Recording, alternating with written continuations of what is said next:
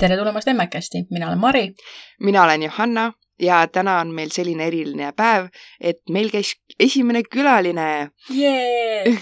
tema nimi on Mari ja ta on terviseedendaja. Mari räägib meile oma loo viljatuse ja viljakuse teemadel ja räägib ühest ägedast loengusarjast, mis neil on nüüd emadepäeva nädala puhul tulemas. mõnusat kuulamist! nautige!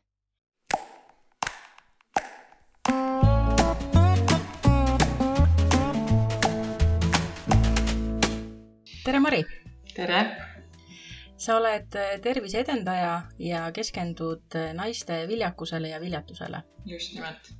ma tahtsin ka öelda tere, Marid tere, Johanna tere, Johanna Mari, räägi, kust sinu teekond alguse sai? minu teekond sai alguse, issand viis aastat kestis see teekond, aga see teekond sai siis alguse seitse, seitse-kaheksa aastat tagasi. tegelikult juba varem, aga teadlikult seitse-kaheksa aastat tagasi. et, äh, et kui ma olin päris teismeline ja mul algasid esimesed päevad, siis äh, tegelikult oli juba siis seal märku sellest, et äh, minu tsükkel ei ole selline, nagu ta peaks olema aga nii noore tüdrukuna sa ei mõtle selle peale, et tahaks lapsi saada ja, ja ongi tore, kui päevi nii tihti ei ole ja et äh, ja siis, äh, siis, siis juhtus minuga selline asi nagu emakaväline rasedus, mille tõttu eemaldati üks munajuha. Aga siis ma olin ka selline keskkooli lõpuklassis ja, ja tol ajal arstid väga ei tahtnud midagi rääkida, kuigi ma sel hetkel juba noh, tundsin huvi, et, et kuidas see nagu minu pere loomist mõjutab. Mhm. -huh. aga keegi väga sellest rääkida ei tahtnud. Öeldi, kõik on korras, mitte miski midagi ei takista ja kõik toimib nii nagu, nagu peab. ja siis läksid need aastad mööda ja noh, kui praeguse mehega tuli see otsus, et me oleme valmis ja me soovime väga peret, siis noh, ma teadsin, et, et kõik pole nii, nagu võiks olla ja et see võtab aega. kas sa sellel hetkel äh, oma mehega juba rääkisid sellest ja, ja oli ta teadlik, et? Äh, ja, et see oligi selline noh, minu jaoks selline hästi ärev vestlus, aga ma pidin ennast väga avama, et, et rääkida sellest, mis on nagu juhtunud ja sest me tegelikult ei olnud kaua koos olnud mm. -hmm. me olime ka circa aasta äkki koos olnud ja see tunne oli juba nii hea, et, et me võime nagu liikuda selles suunas mm. -hmm. ja, ja siis äh, sel hetkel nagu võtsin hästi rahulikult, et lihtsalt läksin naistearsti juurde ja, ja tema ütles, et no kõik tundub korras ja määras mulle lihtsalt äh, hormoonravi selleks, et see tsükkel oleks kogu aeg regulaarne ja oleks tõenäosus, et äh, suurem, et on võimalik rasestuda. Mhm. -huh.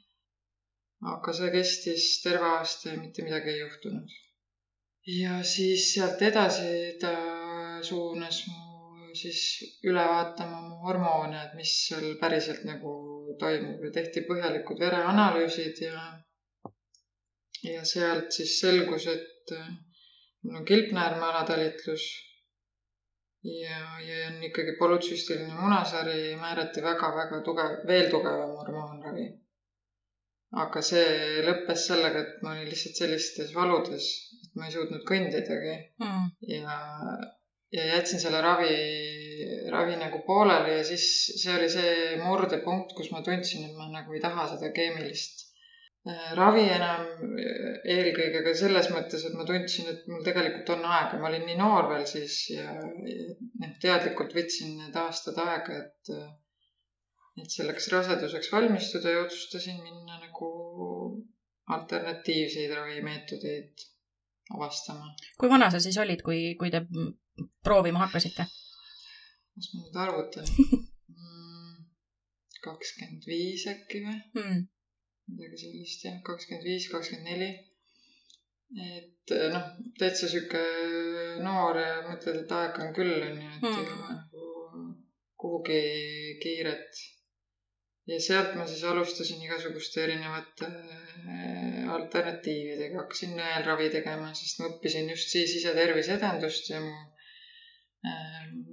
kursusekaaslane oli Hiina meditsiiniterapeut ja tema kohe ütles, et proovime mm. -hmm. ja see ka toimis algul, noh, selles mõttes, et mu tsükkel hakkas nagu midagi toimetama siis ma käisin Peterburist endale Hiina mingisuguseid äh, taimeravimeid äh, ostmas, sest Eestis midagi kätte saada ei olnud. Ähm, tegin läbi holistilise regressiooniteraapia, mõtlesin, et äkki mul on peas midagi kinni. käisin toitumisteraapias, tegin joogat, mediteerisin ja, ja siis veel mingi hetk käisin, äh, läksin Londonisse. Londonis on see ütleme, viljatusravis äh, Hiina meditsiin väga kõrgelt hinnatud ja seal on täitsa nagu eraldi kliinikud äh, paaridele, kes ei saa lapsi ja kes on siis puhtalt Hiina meditsiin. käisin seal ära, tegin tohutu ravi läbi. kuidas need erinevad äh, lahendused, kõik need toitumised ja seesama London ja kuidas need sinuni jõudsid? Lihtsalt läbi nagu enda guugeldamiste ja kuidagi enda intuitsiooni ja noh, ilmselt ka see, et ma õppisin ise sellel ajal terviseedendust mm -hmm. ja, ja püüdsin nagu leida neid viise, mis väljaspool meditsiini toetaks lihtsalt minu elu, läbi minu eluviisi nagu seda viljakust mm. -hmm. võtsin igasuguseid toidulisandeid, guugeldasin, otsisin, tellisin, ei tea kust neid, eks ole. Ja ja noh, näha oli seda, et mu keha reageeris mm. -hmm. et iga kord, kui ma midagi muutsin, tuli mingi uus toidulisand või, või nõelravis muutus mingisugune skeem, siis keha kohe reageeris, aga see oli ühekordne. ja sealt edasi nagu midagi ei toimunud. ja noh, niimoodi need aastad nagu läksid ja läksid ja siis ma lihtsalt üks hetk tundsin, et kõik, et noh, ma hakkan juba kolmkümmend saama, et et peaks nagu minema ikka päris arsti juurde, viljatusravi arsti juurde. ja otsus, kuhu minna, tuli hästi kergelt, sest äh, tollane toitumisterapeut, kes mul oli, teadis mulle soovitada kliinikut, kus, äh, kus sind ei vaadata imelikult, kui sa ütled, et sa teed ka Hiina ravi või midagi, noh, sääres sinna kõrvale, et see oli nagu holistilisem see vaade. ja läksime sinna ja sealt hakkas siis äh, viljatusravi juba pihta kuidas, enne kui me selle viljatusravi juurde jõuame mm, -hmm. kuidas need viis aastat sinu suhet mõjutasid, et millised need etapid või tunded nii sinu kui mehe poolt olid selles protsessis? ma arvan, et mehe, mehes oli nagu noh, mehed on ikka, nagu me ka ennist rääkisime, et mehed on kinnisemad. Et, ta nagu väga ei, ei avanud, et see kõik oli sellisesse igapäevaellu nagu sisse põimitud, aga aga minus oli ikka väga palju sellist enesesüüdistamist või noh, lõpus ma nagu äh, tundsin, et, et ma ei olegi nagu naine või ma ei ole nagu oma mehele väärtuslik naine, sest ma ei suuda pakkuda talle last. et kuidas tema võib ennast tunda selles suhtes, kui ta muudkui ootab ja ootab ja ootab ja ja nagu midagi ei, ei toimu, onju. ja, ja noh, tema on minust kümme aastat vanem, et see veel lisas nagu minule survet, onju et, et noh, kui kaua siis tema oma last peab ootama. aga, aga noh, kui ma nagu ennast avasin nendel hetkedel, siis tegelikult tema poolt ei olnud sellist äh,, neid mõtteid, mis minu mhm. peas olid. Tema ütles, et kõik tuleb, et lihtsalt võtame rahulikult ja küll ta tuleb, kui ta peab tulema, kõik on hästi. et äh, pigem oli see selline minu sisemine nagu enese piitsutamine. aga kas see, et, et sa kuulsid, et mees ütles, et tema poolt on okei okay ja, ja me saame ja küll ta tuleb mm, -hmm. kas see kuidagi sellel hetkel lohutas sind või, või pigem? ma arvan, et pigem mitte, sest sellel, kui sa oled sellel teel, kui sa noh, tol hetkel ma ei olnud ju ka viljatusravis ehk et mul ei olnud tegelikult meditsiiniliselt teada, mis minuga lahti on ja mis mind aitaks ehk et mul oli täielik teadmatus ja ma siis ise püüdsin seal selles maailmas nagu kombitseda ja ennast nagu tohutult aidata, eks ole.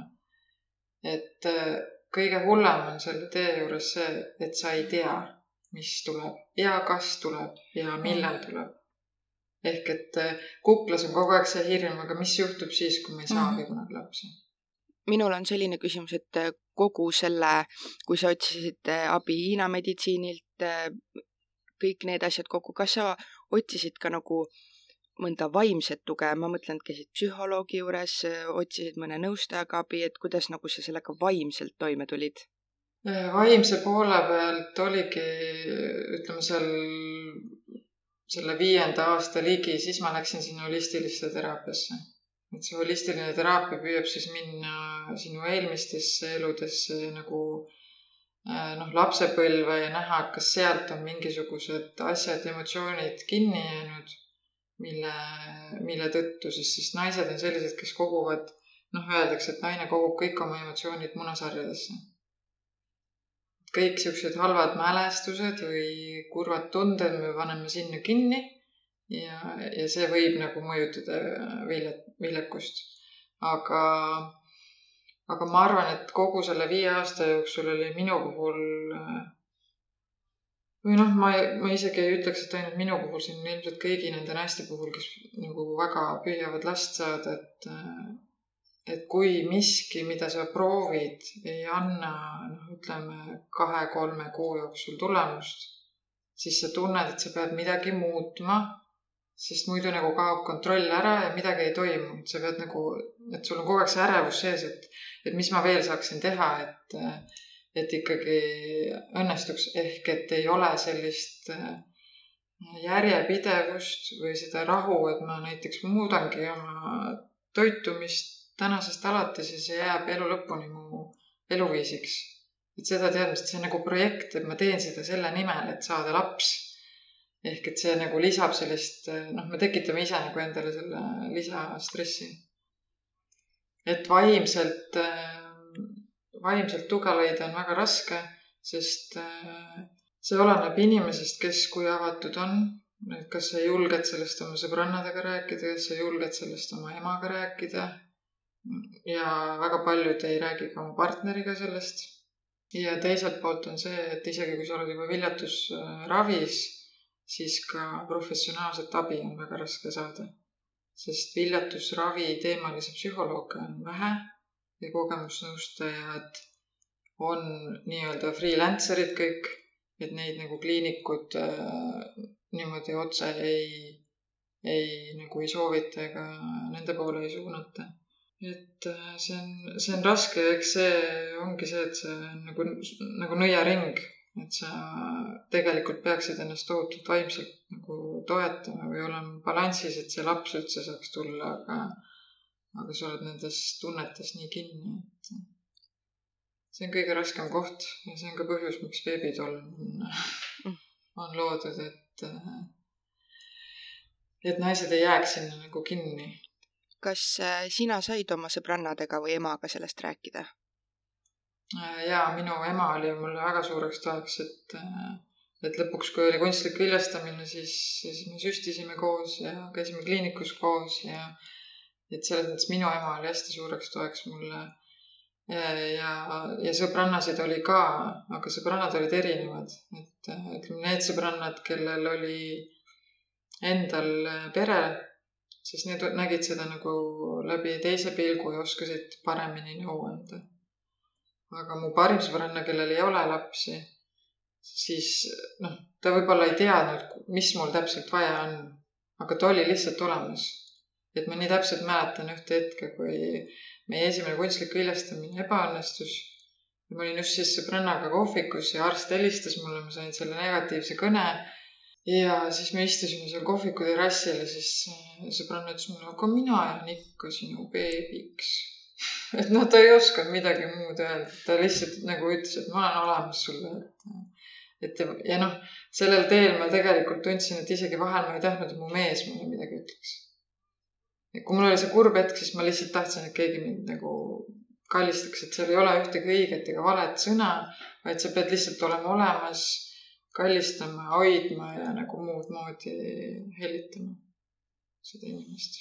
sa mainisid juba beebitolmu ka, räägi, räägi sellest ettevõtmisest lähemalt. Äh, jah, et beebitolm on mu hinges olnud siis alates sellest ajast, kui mina alustasin ise äh, kunstlikut viljastamist. või no läksin viljatusravi kliinikusse, et siis ma alustasin oma esimest blogi, kus ma lihtsalt hakkasin üles kirjutama neid suuremaid hetki sellelt teelt ja oma emotsioone ja siis tutvusin selle välismaa kogukonnaga, mis selles maailmas on ja ma nägin, kui palju ägedaid asju seal tehakse ja mida Eestis nagu üldse ei ole. ja siis hakkas see seeme mu peas idanema, aga, aga kuna meie tee õnneks sellel viljatusravil oli üsna lühikene, siis jäime beebiootele ja, ja see kõik jäi nagu pausile. täna on mu laps peaaegu kolmeaastane ja ja, ja nüüd äh, tekkis minus see äh, tugev tunne ja julgus, et, et ma tulen nagu suurema avalikkuse ette selle teemaga üldse, et mis asi on äh, viljatus ja kuidas see naist või meest mõjutab ja, ja eesmärk on jõuda erinevate ägedate ürituste ja teenusteni ja ka selliste toodeteni, mis seda naist sellel või seda meest siis sellel raskel äh, teel lihtsalt paitab või lihtsalt innustab või et sellised ähm, väikesed lootust andvad asjad, et on vahel nagu väga olulised ja, ja nagu luua seda kogukonda veel suuremaks, et äh, ja et sellest räägitakse rohkem, et need inimesed, kes on selle sees, ei tunneks, et nad on äh, mingid imelikud kuskil ukse taga, kes ei tohi. noh, et kui sõbranna või on äh, õhtul mingisugune pidu ja siis keegi küsib, et no millal siis teie lapsed saate. et siis sa ei tunneks ennast ebamugavalt, kui sa pead ütlema, et kuule, väga tahaks, aga tead, meil ei lähe nii lihtsalt. Et äh, noh, ühelt poolt on seda hästi raske öelda teiselt poolt on inimesel väga raske seda vastu võtta, sest nad ei oska reageerida. et ma mäletan ise, kui ma hakkasin lõpuks avanema ja, ja oma sõpradele sellest rääkima, siis oli tihti vastuseks vaikus, sest nad ei osanud mitte midagi öelda. et see on täiesti mõistetav, sest me lihtsalt ei räägi sellest, onju, et uh, mhm. -huh. et tegelikult tahaks ka, et need sõbrad ja sõbrannad, kes on nende inimeste ümber, tunneks ennast mugavamalt et nad ei, ei peaks nagu tundma, et issand, ma ei oska mitte midagi öelda, mis ma nüüd ütlen. mul on väga kahju mm. -hmm. et noh, see tundub sellele inimesele nagu ah, okei okay,, ma tean, et, kõigil on kahju. et, et see on nagu jah, mõlemat poolt, et see, kes kannatab ja see, kes toetab, oleks nagu äh, targem ja, ja oskaks nagu paremini orienteeruda selles kuidas, kuidas sinu sõbrannad äh, selle vastuvõtmisega, ma just mõtlen seda, et äh, et selle viie aasta jooksul sa ilmselt nägid äh, oma sõprusringkonnas, kuidas inimesed hakkasid lapsi mhm. tegema, kuidas nad jäid rasedaks, kuidas nad lapsed kätte said. et kuidas see suhtumine nii sinu poolt neisse kui see, et, et kuidas nemad siis, teades, et sa seda teekonda läbid, näiteks sulle sellest uudisest teatasid või käitusid sinu ümber, kui nad ise olid rasedad või lapsi saamas mm.? Ma arvan, et nendel esimestel aastatel õnneks või kahjuks mu ümber selliseid väga lähedasi inimesi ei olnud, kes oleks jäänud. vähemalt ma täna enam ei mäleta. aga ma mäletan, et äh, kui juba oli kunstlik viljastamine, siis need emotsioonid olid äh, väga teravad, kui sa nägid tänaval äh, rasedat ja ma ütleks, et nagu tekkisid sellised ülitundlikud nagu kombitsad et ma tajusin ära, et naine on rase isegi ennem, kui ta oli seda kellelegi öelnud. et ma ei tea, kust see tuli, aga noh, noh, töökaaslaste puhul nägin unes, et, et ta on beebiootel, läks nädal aega mööda, tuli see uudis. et äh, kuidagi see taju hakkas nagu muutuma ja aga ma mäletan lõpus enne oma viimast äh, katset äh, kui ma käisin äh, oma ämma sünnipäeval ja siis äh, nägin seal äh, laua peal ultrahelipilti. mõtlesin, mis asi see on, et, et noh, mu ämm on ikka piisavalt vana, et temal selliseid pilte ei peaks olema enam. ja, ja noh, nad elasid tol ajal mu mehe vennaperega koos, ehk siis ma teadsin, et nii selge, et sealt on nüüd tulemas see uudis kohe, et see oli ilmselt vanaemale esimene kingitus ja see lõi mu nii nagu rajalt maha, mõtlesin, et see on noh, nii ebaõiglane, miks kõik teised minu ümber nagu lihtsalt saavad lapsi ja mina ei saa ja ma muudkui punnitin ja punnitin. aga siis ma tulin koju ja mõtlesin, et Mari, mis asja, mõtle ümber, et sul tuleb kohe järgmine katse ja äkki see õnnestub ja sa saad koos temaga oma kõhtu kasvatada. ja kõik kohe muutus. Et noh, see, see oli lihtsalt juba see aeg, kui ma suutsin oma mõtteid natukene rohkem ja paremini ümber suunata aga mm. ei, see on raske, see on kõigi jaoks raske, et kas sa näed võõrast tänaval või, või on see su oma lähedane. aga noh, minul endal isiklikult sellist äh, nagu rasket kogemust ei olnud, et keegi sõbranna tuli ütlema, et äh, või, või keegi ei oleks julgenud mulle öelda, et ta on beebiootel. Et seda õnneks ei olnud, et ma nendel esimestel aastatel, kui me proovisime, siis ma ikka suutsin rõõmustada, et ma nagu siiralt olin rõõmus, kui, kui keegi jäi beebiootele, et ilm, see läks nagu kibedamaks seal lõpupoole, kui juba oli nii palju aastaid kogunenud ja siis sa tundsid, et, et äkki ei juhtugi midagi, onju. Mhm. aga kas sa saaksid natukene äkki lähemalt sellest äh, viljakusravist rääkida, sest äh, mina isi-, mina isiklikult äh, no ma ei tea mitte midagi sellest mm. -hmm. enne kui me selleni jõuame, ma tahtsin ühe väikse küsimuse veel küsida, et enne seda sa tegid kõik need joogad mm, -hmm. toitumised, nõelravid, et kas see tunne, et no nii, nüüd ma pean minema viljastuskliinikusse mm -hmm. või viljakuskliinikusse. et eh, kas see oli kuidagi hästi suur ja raske samm, kas see oli niisugune loomulik asjade käik, et kuidas see? see otsus, ma arvan, tuli lihtsalt minu seest väga kuidagi kindlalt, sest mul hakkas tol hetkel lõppema ka see terviseedendaja õpe ja, ja ma teadsin, et mu stressitase selles mõttes kindlasti mõjutas ka kogu seda eelmist aega, et äh, täiskohaga töö õppimine, noh, see on omaette äh, pinge. et noh, tundus, et on nagu sobiv hetk, et pinge läheb maha natukene ja, ja et hakkame sinnapoole liikuma, sest äh, ega see ka päris nii ei ole, et lähed esimesele visiidile ja, ja järgmine nädal on kunstlik viljastamine, et see kõik võtab aega et see otsus tuli lihtsalt, aga see esimene visiit oli väga nagu ärev. et noh, seal pead, pead sa samamoodi ennast avama, rääkima kõik oma ajaloo äh, ja need tunded ja emotsioonid kõik seal sellele arstile välja. mille pinnalt siis tema hakkab nagu edasi liikuma mm. -hmm aga võtamegi siis ette selle, selle teekonna seal viljetuskliinikus. Läksite mehega koos, astusite uksest sisse? ja pidime hakkama rääkima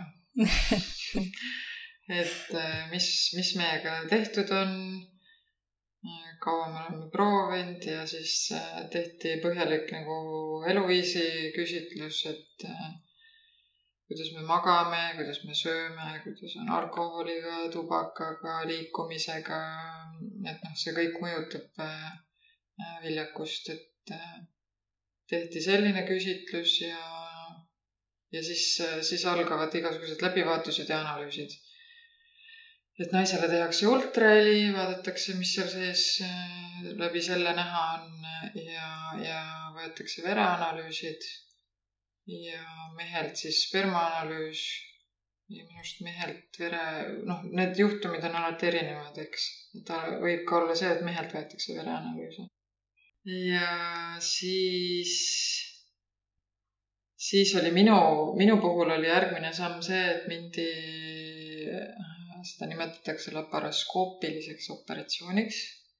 ehk siis kõhtu tehakse kolm auku, et see on nagu naiste probleemide selline lihtne äh, operatsiooniviis lihtsalt läbi, mille see taastumine on kergem. tehakse kolm auku ja minnakse, vaadatakse, mis toimub äh, munajuhades, munasarjades, emakas, kõik vaadatakse üle mm, ja, ja läbi selle siis äh, noh, arst kinnitas seda polütsüstiliste munasarjade sündroomi. polütsüstiliste munasarjade sündroom tähendab siis seda, et keha toodab munarakke, aga need munarakud jäävad nagu munasarja kinni. ehk et ei ole seda hormooni, mis neid sealt edasi liigutaks emakasse. ja siis, kui sa ultrahelis vaatad, siis seal munasarjas on nagu sihuke pärlikeel, need istuvad lihtsalt seal ja magavad ja ei tee midagi. ja, ja noh, minu üllatuseks leid-, tehti ka endometrioosi, õnneks küll väikseid äh, nagu koldeid. endometrioos on siis see, kui emaka limaskest hakkab väljaspool emakat kasvama. et hakkab seal muude elundite peale ronima. ja see puhastati kõik ära ja, ja siis läks nagu oli vaja veidikene aega, et sellest äh, taastuda. ja tehti ka seda nimetatakse munasarjade trillimiseks ehk siis munasarjadesse tehakse siuksed mikro nagu nõelaga, mikronõelaga haavandid, et neid natukene ergutada. et siis need vahel hakkavad ka ise tööle, et äh, aga minu puhul ei toiminud ka see. mehe analüüsid olid kõik super head, arst tahtis teda kohe doonoriks ütles, et millal siis doonoriks tuled aga.... kas selle kas selle ja. puhul, kui mehel äh, on analüüsid kõik korras, super tubli, sada kümme protsenti, kohe võib naisi rasedaks teha, kuidas see sulle mõjus? et kas, kas sul oli hea meel, et vähemalt on mehega ja, kõik hästi? et see, ma arvan, oleks päris suur löök olnud, kui sealtpoolt oleks ka tulnud mingi takistus, et noh, ma ju teadsin, et minu puhul nagunii on mm. -hmm. aga kui oleks mehe poolt ka tulnud, et see pigem oli nagu super, super hea uudis, arvestades veel seda, et ta on minust nagu tunduvalt vanem et mhm. see oli nagu väga, väga äge uudis. ja, ja pärast seda taastumist, siis see viljatusraviarst üritas ikkagi minu loomulikku äh, nagu tsüklit tagant utsitada, seda reguleerida ja seda ovulatsiooni tekitada, et proovida, kas me ikkagi loomulikult, noh, küll ravimite abil, aga et kas me saame ikkagi ise ilma kunstliku viljastamiseta hakkama ja noh, siis kõik oli selline kellavärk, et teed kindla süsti kindlal ajal ja siis peab mees kindlal ajal kodus olema, kindlad tunnid, millal peab tegutsema. ja, ja lootus oli hästi suur, sest see tundus nagu esimest korda nende viie aasta jooksul, et appi, meil on nagu päriselt reaalne võimalus, et arst ju vaatas ultrahelis, et need kõik on nii valmis, onju. ja siis lähed koju ja tegutsed, aga, aga ikkagi midagi ei, ei juhtunud et see oli juba selline esimene löök, suurem löök, aga ei olnud nagu nii hull see, sellest ülesaamine. sest noh, sa teadsid, et kohe varsti saab uuesti. ja, ja siis esimene kunstlik viljastamine oli mul äh, järgmine suvi pärast seda, kui me läksime, noh nagu umbes aasta pärast seda üldse viljatusravi kliinikusse minemist, see oli siis esimene kunstliku viljastamise katse. Mm, ja noh, minu jaoks on see nii nagu, ma ei, tean seda nii läbi ja lõhki. aga ma eeldan, et te ilmselt ei tea üldse, mis, mida tähendab kunstlik viljastamine. et neid meetodeid on kunstlikus vilja, viljastamises muidugi erinevaid, need olenevad täiesti sellest viljatuse põhjusest. et äh, kõige kergem viis on see, et kui naisel ikkagi ovulatsioon toimub, ehk see munarakk jõuab sinna emakasse, siis võetakse mehelt ainult seemnerakk ja süstitakse see seemnerakk õigel hetkel emakasse ja nad kohtuvad seal emaka sees. ehk see on nagu noh, ütleme lootele loomulikum keskkond, kus nagu kokku saada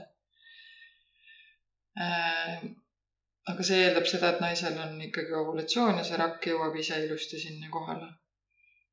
Kui seda ei toimu, siis on äh, IVF ehk siis äh, stimulatsiooniga kunstlik viljastamine. see tähendab seda, et naine teatud arv päevi, olenevalt siis tema seisundist, äh, süstib endale hormooni sisse, mis kasvatab munasarjades rohkem kui ühe munaraku ja see arv võib ulatuda seitsmest rakust kuni viiekümne, kuuekümne, sajani. et see on väga-väga individuaalne, kui palju mingi keha siis äh, neid rakke nagu toodab ja kuidas ta reageerib.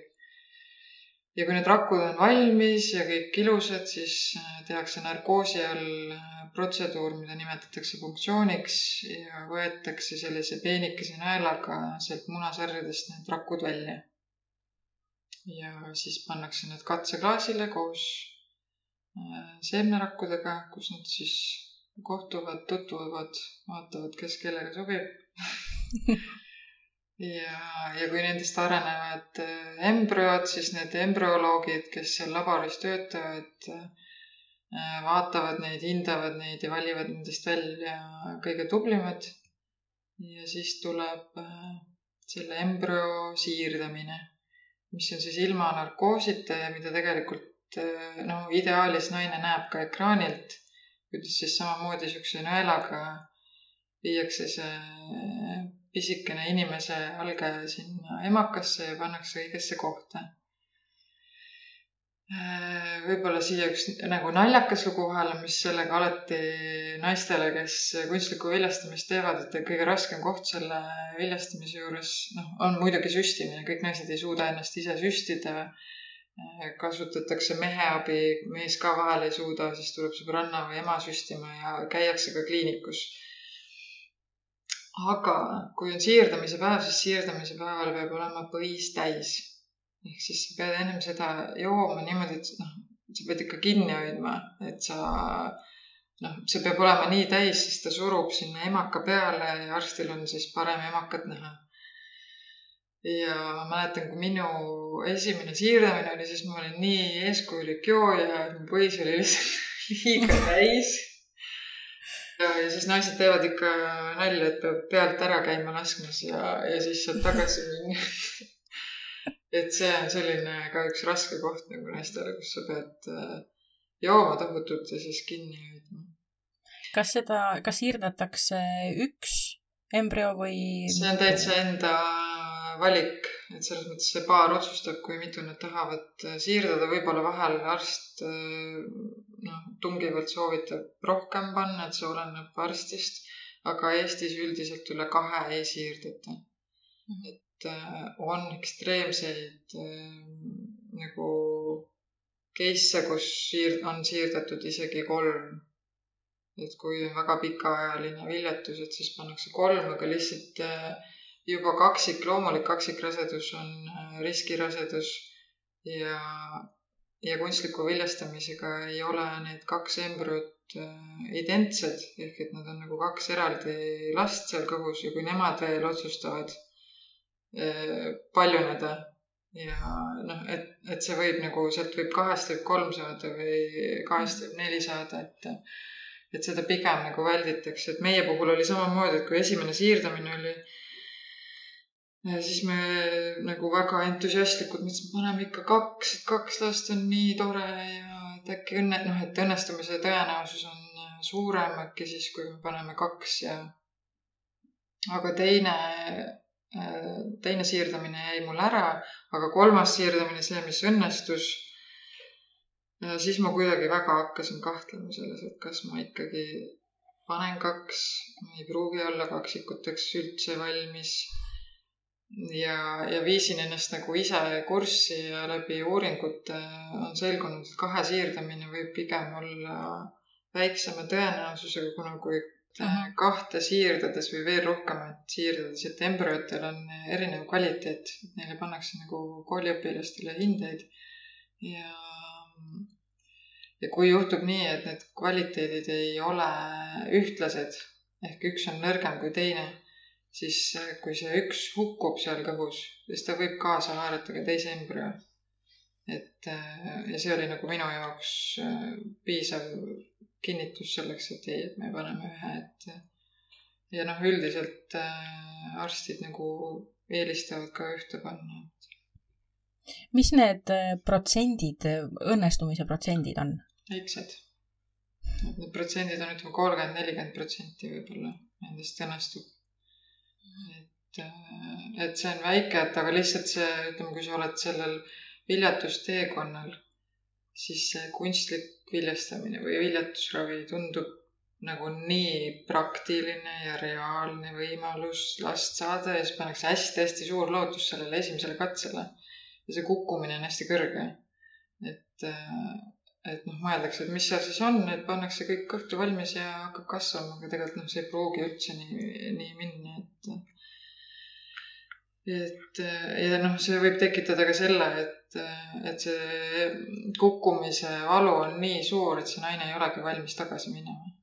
et on olnud küll neid naisi, kes võtavad pärast esimest katset mingi pausi, et, et siis nagu tugevamana tagasi tulla, et mm. -hmm. et see oleneb täitsa nagu inimesest. kuidas sa selle esimese ebaõnnestumisega ise ja teie paarina, kuidas te toime tulite?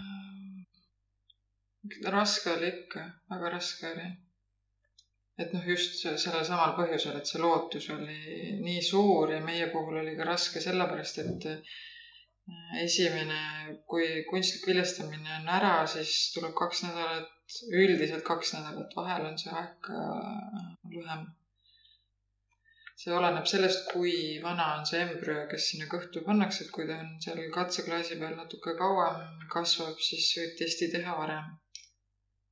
Aga aga mina ootasin kaks nädalat ja olin nii tubli kodus, ühtegi testi ei teinud, hoidsin ennast tohutult tagasi ja siis tehakse veretest, et seda rasedushormooni mõõta.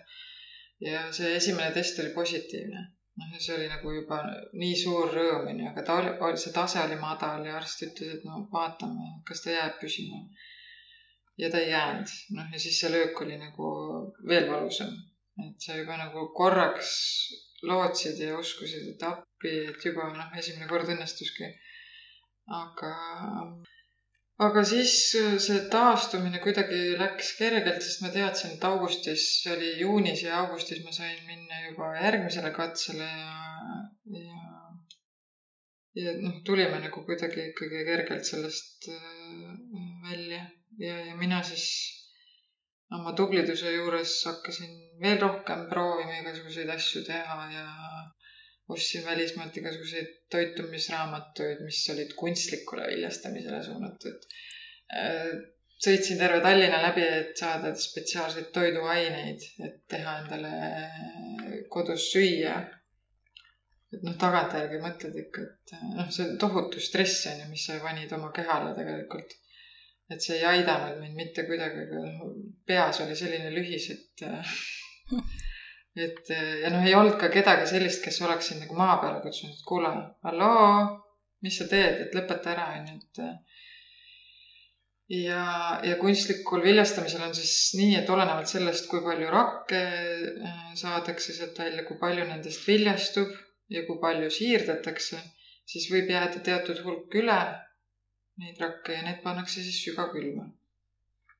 et meil on ka praegu viis Eskimot seal juba mitu aastat ootamas äh, ja selle puhul ma räägin veel, et on hästi huvitav see, et, et ma tean, et on peresid, kes ongi siis äh, esimese lapse saanud, ütleme läbi selle värske embrüo, neid nimetatakse nagu värsketeks, kes on nagu tulnud otse kõhust ja pannakse tagasi ja siis läheb mitu-mitu aastat mööda ja, ja võetakse sellest samast satsist see külmutatud rakk. ja need lapsed on nii ühte nägu. Sest nad on nagu noh, nagu, nagu oleks kaksikud onju, sest nad on koos seal kasvanud ja koos tulnud ja lihtsalt üks natuke aega ootas. Ja meil oli siis ka vist äh, paar rakku või seda embrüot jäi sinna külma ja pidi tulema siis seda nimetatakse fett siirdamiseks ehk siis külmutatud embrüo siirdamiseks, mis on nagu naise kehale kergem, ehk sa ei pea enam süstima, vaid lihtsalt emakas valmistatakse ette ja, ja toimub see siirdamine. ja, ja mina olen siis tohutult valmistanud, valmi-, ette valmistanud ja, ja tegin just äh, kodus õues äh, meditatsiooni ja pidin minema siirdamisele ja siis tuli arstilt kõne, et äh, see ei pea tulema. et sinu embrüo ei kasvanud edasi, ehk et võib juhtuda, et kui nad üles sulatatakse, siis see protsess kuidagi lõhub neid või kui see kvaliteet ei olnud nii hea, siis nad ei jää nagu ellu.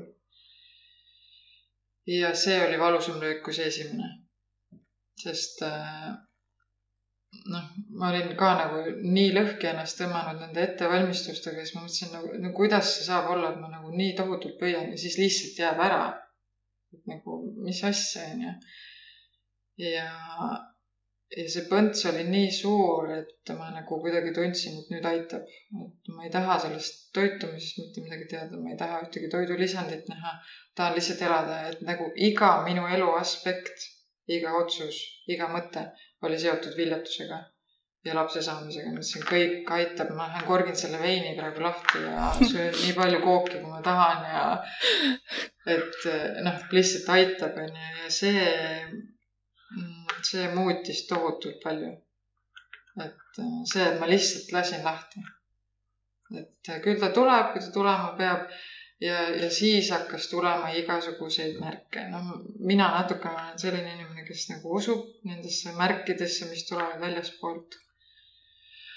aga noh, a la, et sellel päeval, kui ähm, meile teatati, et see külmunud rakuga viljastamine ära jääb, äh, läks mu mees just, äh, tal oli planeeritud äh, võrkpalliturniirile minek ehk ta läks sellel samal päeval kodust ära, ma jäin täiesti üksi ja, ja ta rääkis siis oma sõpradega samal hetkel, ütles, et ähm, ta mingi sõber, ütleme, Juhan nägi unes, et sa oled rase. kuulge, minge metsa, et noh, mul just nagu sihuke löök ja siis su sõber nagu räägib sihukest asja. ja, ja siis ma jah võtsin aja maha ja planeerisin veel endale enne järgmist katset sellise nagu reisi, päikesereisi. ja, ja noh, minus kasvas kuidagi selline julgus äh, unistada, et äh, noh, a la, et ma julgesin seal reisil mõelda, et see on meie viimane reis kahekesi nagu pikaks ajaks. Äh, või siis noh, me käisime Prantsusmaal, seal oli igal pool hästi palju saia ja, ja, ja kuskil sõime ja mu kõht läks tohutult gaasi täis ja paisus tõesti nagu oleks kolm kuud rase olnud. ja siis ma lihtsalt uhkelt käisin selle kõhuga seal promenaadil, inimesed kõndisid mulle vastu, naeratasid ja noh, nagu silmis soovisid õnne ja ma võtsin selle kõik vastu ja ma ei tundnud nagu, et appi, et ma olen nii kurb, et seda tegelikult ei ole et äh, noh, need olid minu jaoks hästi tugevad märgid, et ma olen suutnud nagu oma mõtetest kuidagi lahti lasta. tegin läbi äh, kuurituaali ehk siis täiskuule saatsin oma, oma soovid ja, ja noh, näiteks viimane siirdamine, mis siis õnnestus, ennem seda võtsin klaasi veini, ütlesin, et terviseks, see on mu viimane veiniklaas ja noh et sellised hästi väikesed asjad ja lihtsad märgid ja, ja täpselt äh,, täpselt nii läks, et see viimane või noh, kolmas katse õnnestuski ja ma teadsin seda kuidagi enda sees algusest peale. et see on see kord, kui õnnestub. ja aga ikkagi, kui sa nüüd äh, tehti see kolmas siirdamine ja sa siis, olid sa ikka tubli kodus, ühtegi testi ei teinud, läksid, läksid tegin, tegin, tegin, tegin, tegin et, et siis, siis oli see julgus ka, just täpselt selle julguse pinnalt ma julgesin selle testi teha mm,. Ah, ja mis, mis seda nagu enesekindlust veel näitas, ma filmisin kõik selle protsessi üles. filmisin oma süstimist äh,, seda, kuidas ma käisin kliinikus äh, seal punktsioonil ja siirdamisel, kuidas ma tegin testi, et need kõik on videolindil, et noh, et kui sa selle sees oled, siis sa võid tunda, et aga kuidas ma seda filmin, kui see ebaõnnestub. et noh, ma ei taha nagu seda emotsiooni sinna äh,, sinna videosse onju, aga see enesekindlus oli nii tugev, ma mõtlesin, et pff, filmin kõik ülesse. ja sellest sai selline hästi lahe mälestus meile.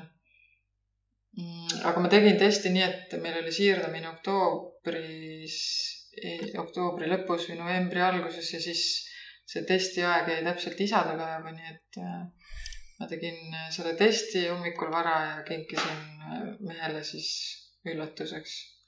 ja, ja noh, see oli niimoodi just hästi, et paar päeva läks mööda ja siis saime kinnitust ka veretestini, et.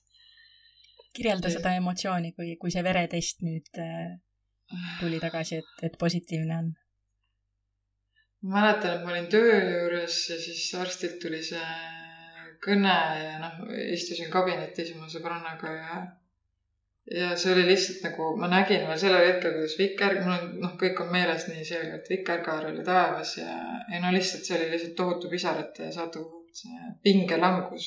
ma arvan, see oli nagu, mis kõige paremini kirjeldab seda, et, et lõpuks ometi ma mäletan, teine sõbranna veel kirjutas mulle mingeid tööasju, ma ütlesin, ole vait, ma olen rase ma ei viitsi su tööasju kuulata aga, aga noh, ega see selles mõttes sellele järgnev aeg ei olnud vähem ärev. et et sa ikkagi teadsid neid lugusid, et jah, õnnestub, aga siis läheb mingi aeg mööda ja see rasedus võib katkeda. et see hirm oli mu sees ikka, mis siis tähendas seda, et ma käisin ise neid vereteste tegemas mingisuguse paaripäevase vahega, et näha, kas embrüo nagu kasvab ilusti edasi. Ja ma arvan, et ma rahunesin maha alles siis, kui ma tundsin esimesi liigutusi. ehk mul tekkis nagu beebiga päris kontakt ja ma nagu tundsin, et ta on olemas et sinnamaani ma kuulasin ta südamelööke Dopleriga ja, ja, ja kõik see, et see ärevus ikkagi oli mu sees päris tugev. ja noh, täna ma tean, et see kunstlik viljastamine ja sellele järgnev äh, rasedus on nagu post, posttraumaatiline sündroom võib tekkida.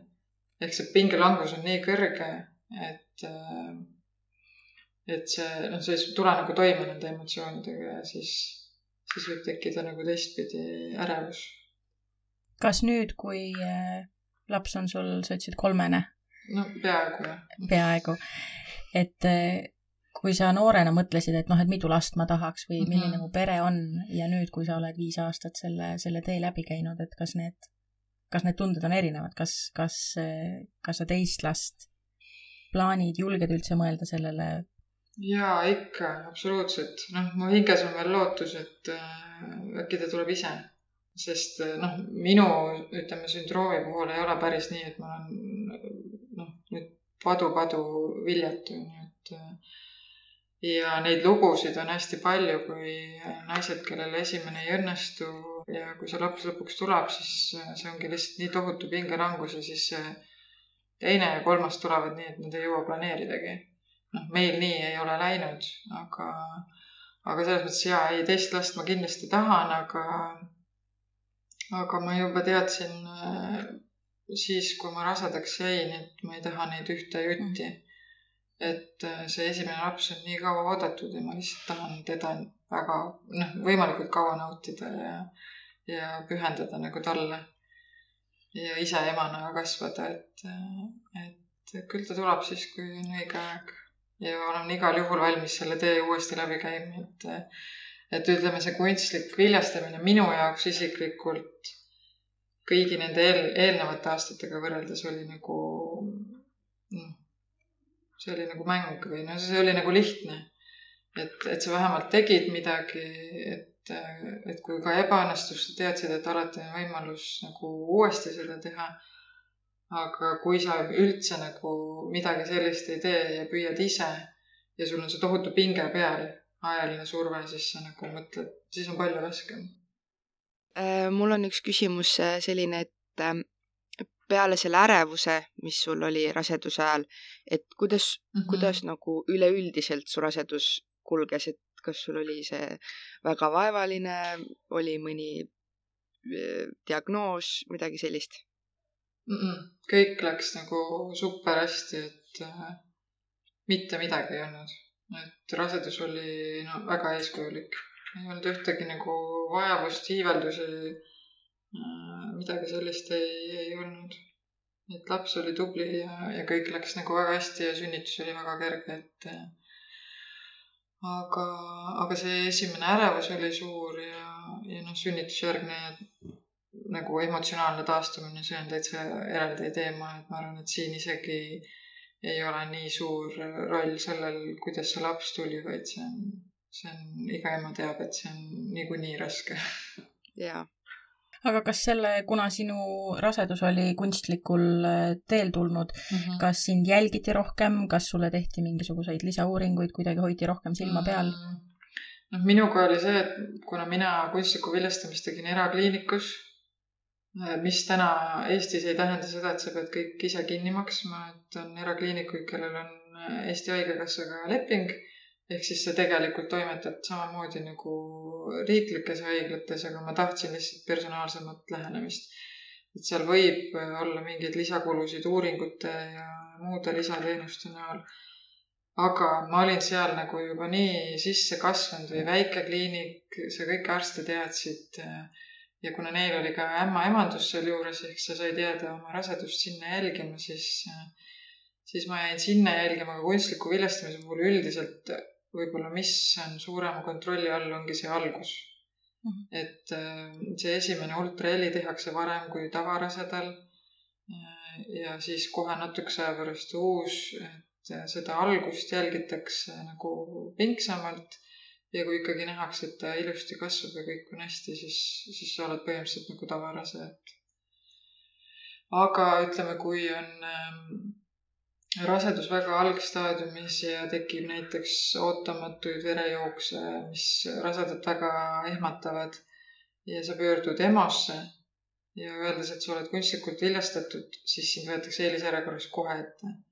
et, et see on võib-olla südamerahu neile, kes, kes nagu sel hetkel muretsevad, et me alati suuname nad kohe EMO-sse ja ütleme, et nad rõhutaks, et nad on IVF patsiendid, et siis neid nagu kohe, kohe, kohe võetakse ette. minul on kaks küsimust veel. ma ük- mm, -hmm. küsin nad kohe ja. korraga ära ja siis sa saad äh, rahulikult äh, vastata. esimene küsimus on see, et äh, kui ma hakkan last pro-, planeerima mm -hmm. ja mis see umbkaudne aeg mm -hmm. on, et kui kaua ma peaksin ise proovima ja siis kuskile kliinikusse pöörduma. ja teine on see, et kas see on Eestis mm -hmm. tasuta nagu või, või maksab, ma, ma ei tea, ma mm -hmm. arvan, et paljud meis, meie kuulajad ka ei tea mm. -hmm, mm -hmm. ei tea kindlasti äh,. muretsema peaks hakkama siis, kui te olete aasta proovinud ja mitte midagi ei toimu. aga ma tean, et äh, ärevus tekib naistel ka siis, kui ei ole kuu, kaks või kolm õnnestunud. ja see tegelikult on täiesti mõistetav, et ma ma ei taha nagu oma jutuga panna ühtki naist, kes planeerib rasedust ja tal ei õnnestu kuu, kahe või ja ta tunneb nukrust, tunneb kurbust, tunneb ebakindlust. see on täiesti okei okay., et see ei ole vähem oluline, sellepärast et, et vaata, keegi proovib viis aastat ja, ja peab kunstlikult viljastama, et see südamesoov last saada on ju esimesest hetkest ikkagi nii suur, on ju, ja aga selles mõttes jah, et äh, kui juba teadlikult planeerida, siis äh, aasta võib nagu rahulikult hingata, et äh, tegelikult see võimalus ühes kuus rasestuda ei ole isegi ei üks, kaks või kolm päeva, vaid see on mõned tunnid. nii et noh, mõelge ise, et, et seda nagu täpselt ajastada on väga raske, on ju, et et seda arvestades on kunstliku viljastamise õnnestumisprotsent isegi päris suur ja teine küsimus oli selle raha kohta, et Eestis on ikkagi kunstlik viljastamine ähm, kuni neljakümnenda eluaastani tasuta. et täna on meil äh, tehtud läbi väga positiivne muutus selles plaanis, et kui varem, kui mina tegin kunstlikku viljastamist, siis mina pidin kõik rohud oma raha eest äh, välja ostma, mis olid tohutult kallid, ütleme üks äh, süst võis maksta kaks-kolmsada eurot ja palju sa neid süste pidid tegema? see oleneb naisest, sellest doosist ja, ja neid noh, ütleme üks tsükkel võis ikka minna kuus-kaheksasada eurot ja siis pidi tagantjärgi kindlatel kvartalitel sai seda raha tagasi taotleda.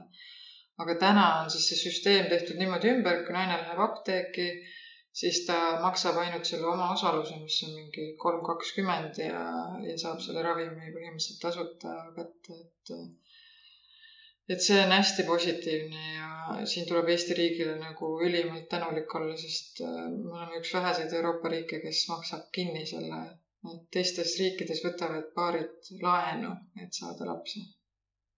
et äh, ja, või siis on teistpidi on piirangud, et näiteks sa saad teha kaks-kolm katset tasuta ja siis maksad ise edasi, et äh, aga noh, see tõenäosus on nii väike, et siis siis väga paljudel läheb rohkem katseid kui, kui üks, kaks või kolm.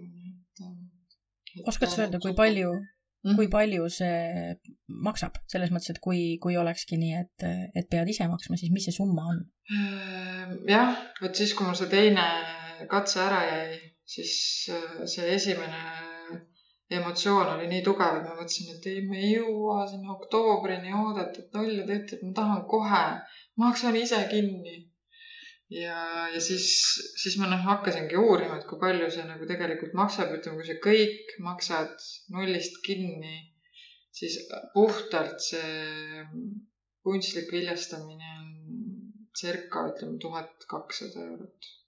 võib ka olla rohkem, olenevalt ravimite annustest, et kui suured ravimidoosid sul peavad olema, mida suuremad doosid, seda kallim see ravim on mm. -hmm. et ähm, aga sinnakanti, aga ta on ikkagi ka seda vaadates on ta Eestis odav.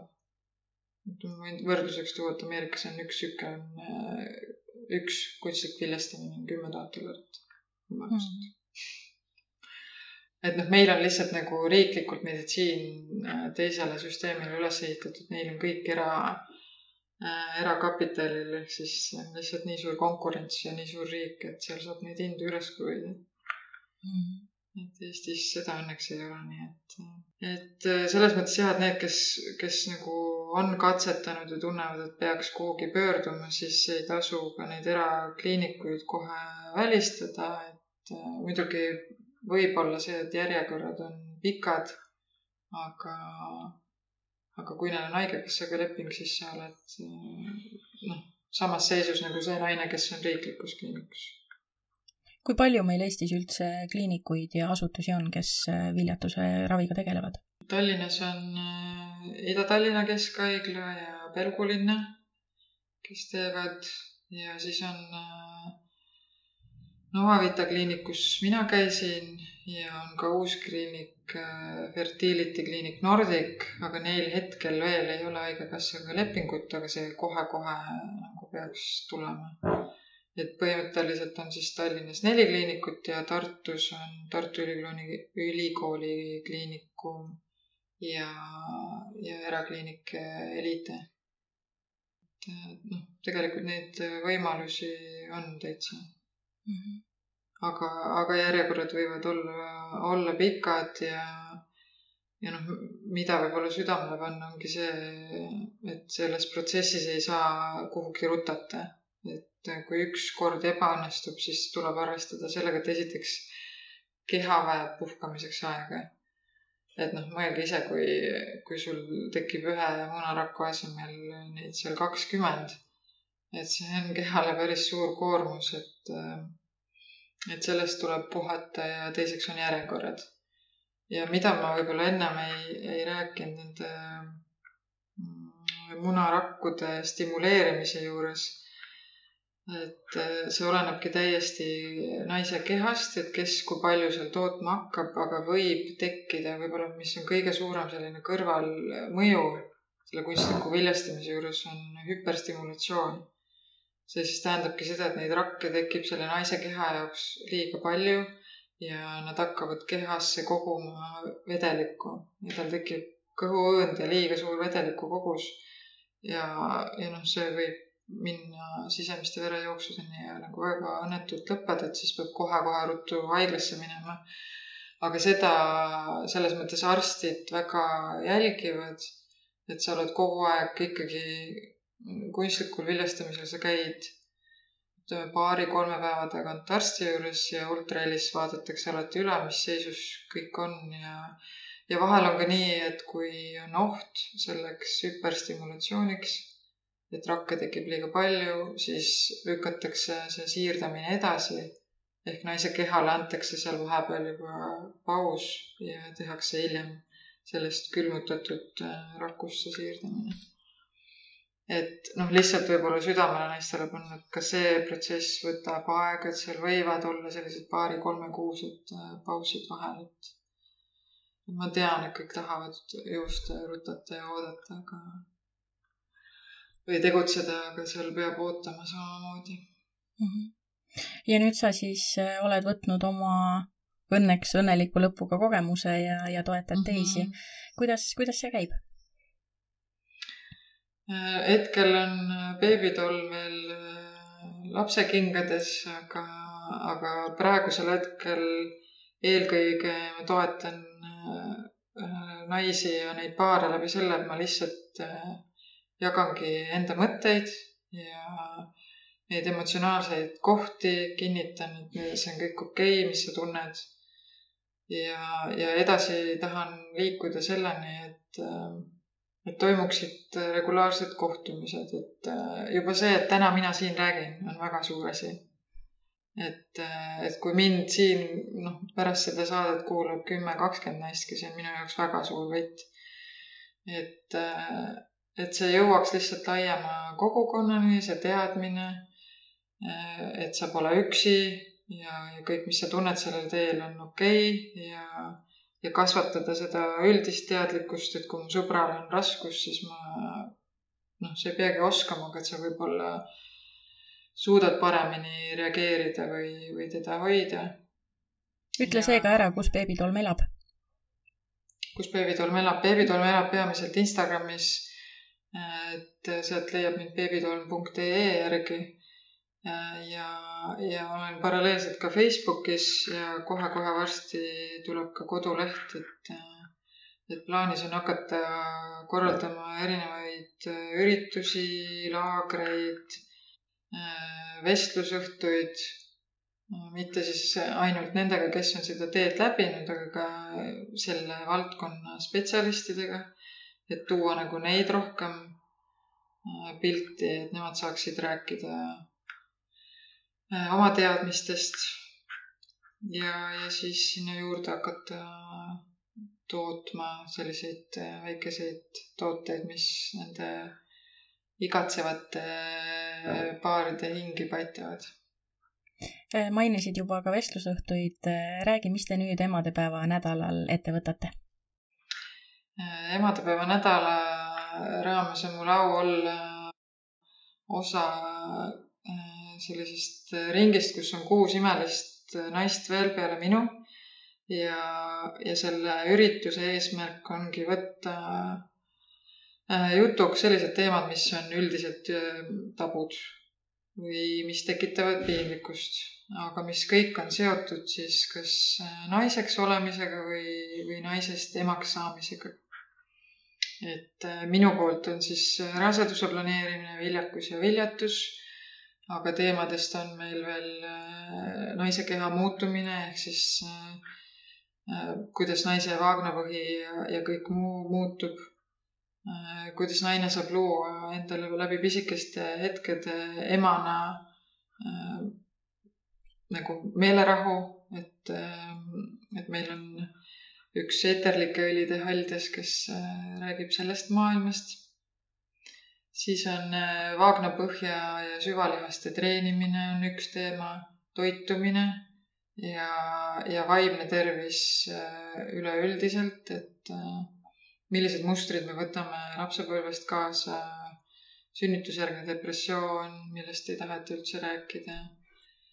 Ja, ja siis on ka selline teema, et kuidas emana oma aega planeerida, et ise mitte sinna ema rolli ära kaduda. et sa, kuidas läbi aja planeerimise leida enese teostamiseks aega ja ka harjumusi luua, mis sind nagu emana ja naisena toetavad kui nüüd meie kuulaja soovib eh, nendest teemadest rohkem teada, teie vestlusõhtutel osaleda ja neid kuulata, siis eh, kuidas seda teha saab? Äh, esimeseks ma soovitaks minna uudistama sellist lehte nagu momsquad.ee et see ongi blogiplatvorm, kus siis äh, mitte ainult üks ema, vaid kõik Eesti emad saavad oma lugusid jagada. ja Mom Squadi leiab ka Instagramist ja, ja kui tahta üritusele registreerida, siis saab minna sellisele lehele nagu fienta.com kaldkriips naistelt naistele. et seal on kogu ürituse info, ajakava ja registreerimise eh, koht olemas. paneme selle lingi kindlasti ka meie sotsiaalmeediasse ülesse mm. -hmm. ja see on ka järelkuulatav, et, et ei pea tundma nagu muret, kui samal ajal ei jõua kohal olla, et, et et, et siis saab järgi kuulata ja selle ürituse eesmärk ongi siis toetada seda Mom Squad blogi ehk siis, et jõuaksid rohkem need äh, emade lood sinna ja, ja toetada selle veebi, veebi loomist ja kujundamist. ja kaasatud on ka erinevaid äh, partnereid, et meil on iga päev siis äh, auhinnad nii, loosiauhinnad nii meie endi poolt ehk siis meie kõigi teenused või tooted ja, ja kaasatud on ka ägedad teised Eesti naised, kes siis tegelevad äh, sellega, et luua, luua väärtust. see kõlab nagu äge. väga, väga vajalik ettevõtmine ja väga äge tõesti jah ma, ma tahaks äh, omalt poolt öelda see, et äh, kus sa rääkisid oma sellest äh, kogemusest, kui sa said teada, et sa oled rase, siis ma ütlen ausalt mm, -hmm. mul tulid ka pisarad silma. jaa, sama siin no siis, kui te näeks seda videot, et see, see video on korralik sihuke emotsioonide pahvak, et et noh, ma ei julgenud ise seda testi vaadata, siis ma katsin selle kinni, aga mul olid küünlid seal kõrval ja siis ma istusin ära ja närisin küüsi ja, ja et see noh, puhas emotsioon on seal video peal kõik, et, et üks hetk ma kindlasti tahaks selle videoga nagu tulla välja ka, aga kuna seal ei ole ainult mina, siis äh, see vajab natukene töötlemist tegelikult see on väga äge väga,, väga-väga, sa oled väga tugev naine, päriselt. Ja no mina, minul läks selles mõttes ikkagi noh, ikka eestlasele omaselt, et ah, mis mina, minul läks ikka lihtsalt onju aga ei, eks muidugi see on mind tohutult kasvatanud ja aga neid lugusid, raskemaid lugusid on nagu kümneid ja kümneid, et kellel ei lähe, meil läks väga hästi, et see on ülimalt nagu kiire, kui sul läheb aasta või kaks. et tegelikult, noh, ütleme viljatusravis läheb üldiselt pikemalt et äh, arst lihtsalt õpib sind tundma ja, ja alguses ei minda kohe täie rauaga kõige raskema raviga peale, vaid vaadatakse, kuidas keha reageerib ja, ja läbi iga viljastamise saab arst jälle targemaks, sest ta näeb, kuidas su keha toimib ja mis ta teeb. et meil läks hästi, kuigi oli ikkagi raske, aga, läks hästi, et, et on naisi, kes on viis-kuus aastat, teevad puhtalt ainult seda ja kümneid ja kahekümneid katseid et noh, ma ei tea, kuidas nemad vastu peavad. mul on nii hea meel, et sa seda lugu meiega jagasid, see on, see on lihtsalt hämmastav. mul on suurim rõõm seda teha. et kui see nüüd jõuab meie kuulajateni, kes, kes ise sellel teekonnal on või, või sellega mhm. kimpus on, siis ma usun, et. noh, sellest tegelikult tuntakse tohutult puudust, et, et need lood, need päris lood jõuaks nagu nendeni, kes katsetavad ja võib-olla ne-, just nendel on nagu suur abi, kes on väga kaua sellel teel olnud et nad nagu kuuleks ja näeks neid päris inimesi, kes ka teevad seda. see on hästi oluline. just nende tabuteemade väljatoomine, et, et mm -hmm. sa ei ole üksi ja et, et on mm, -hmm. on mhm. võimalusi abi ja kasvõi nõu ja tuge saada, et see on hästi oluline. no just, et ma ei pea tundma ennast vähem naise või vähem mehena, sellepärast et, et minu minu reproduktiivtervis ei ole selline, nagu ta võiks olla, on ju, et äh, siin ei ole alati ühte ja ainust põhjust ja et see on lihtsalt nagu osa ja me olema väga tänulikud selle eest, et meil on sellised võimalused. sest mõelge ajale, kui seda ei olnud ja see vaene naine ei saanudki oma mehele last pakkuda. ja noh, jäidki võib-olla lastetuks ja pidid lapsendama, et see on nagu veel raskem, onju ja siis ei räägitud üldse, aga et, et ma tahaks, et muutuks jah see, et inimestes oleks see julgus või kindlus, et kui on nii, siis ma julgen seda välja öelda. kui sina julged mult küsida, siis ma julgen vastata. et see võiks ühiskonnas muutuda, et me julgeme tohutult nagu minna sinna intiimsesse valdkonda ühe paari elus, et millal te saate lapsed, see küsimus tuleb väga kergelt, aga tihti ei mõelda, et mis mis seal taga võib olla, et tegelikult nad võib-olla on väga kaua proovinud, et see küsimus on, on nagu valus, on ju. et see võiks jah muutuda. absoluutselt. aitäh, et sa meiega olid. aitäh, et te mind, et, et ma teid leidsin väga vahva hommikupoolik oli. absoluutselt, et äh, paneme kindlasti vestlusõhtule registreerimise lingi meie sotsiaalmeediasse mm -hmm. ja minge Instagrami, jälgige beebitolmu ja, ja kui sa oled äh, nende muredega hädas ja, ja tunned, et sa oled üksi, siis ma loodan, et see saade aitas natuke kaasa. oli tore teiega, Marit. jah, sinuga ka, Johanna jah, jah, aitäh, Mari, aitäh, Johanna ja kuulajaga kohtume uutel teemadel juba järgmisel esmaspäeval. tšau. tšau. tšau.